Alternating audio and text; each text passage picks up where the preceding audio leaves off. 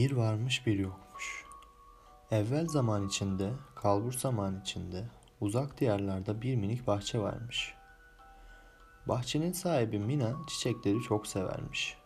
Bu sebeple ise her ilkbaharda bahçeye çiçek tohumları saçar ve onları büyük bir sabırla sular, büyümesini beklermiş. Birbirinden farklı çiçekleriyle donattığı bahçesi onun için büyük bir neşe kaynağıymış.'' Her sabah uyandığında kahvaltı öncesinde çiçeklerin yanına gider ve onlara güzel sözler söyler. Onları sular ve öylelikle kahvaltısının başına geçermiş. Günlerden bir gün bahçenin yer aldığı kasabayı çekirgelerin istila ettiğini duymuş. Çiçekleri için çok endişelenen Mina ne yapacağını bilemez halde etrafına bakınıp duruyormuş.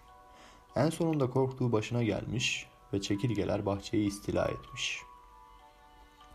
Her bir çiçek korkudan titriyor ve adeta Mina'nın gözlerinin içine bakıyorlarmış. Çekirgelerden biri bahçede bulunan beyazlı mavili bir güle aşık olmuş. Tüm arkadaşlarını uyararak o ortamı terk etmeleri gerektiğini söylemiş. Çekirgeler arkadaşını dinleyerek bölgeyi terk etmişler. Aşık olduğu gül ise korkudan titremeye devam etmiş. Çekirge gülün yanına giderek ona zarar vermeyeceğini söylese de gül buna inanamamış.'' Mina çekirgelerin bölgeden ayrıldığını gördüğü an koşarak dışarı çıkmış ve orada kalan çekirgeyi de kovalamaya başlamış. Çekirge canını korumak için ondan kaçsa da bir köşeye saklanarak gülü izlemeye devam etmiş.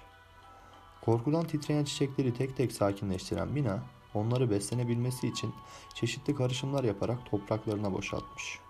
Fakat Mavi Gül'de bir değişiklik sezmiş. Çok yorgun görünüyormuş Mavi Gül. Oysa bahçedeki en ihtişamlı, en dikkat çeken ve en neşeli çiçekmiş o.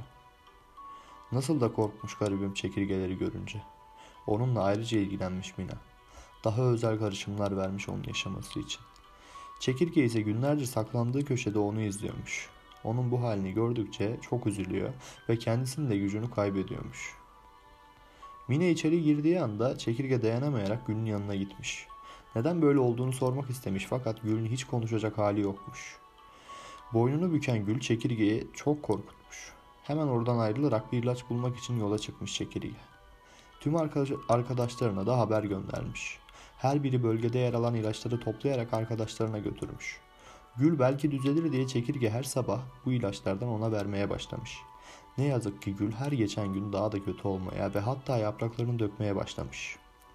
Çekirge ne yapacağını bilemez bir halde onu izliyor ve ilk aşkının yok olmasını gönlü dayanamıyor. Sürekli ağlıyormuş. O ağlarken Gül'ün de gözlerinden birkaç damla gözyaşı akıvermiş. Çekirge şaşırmış.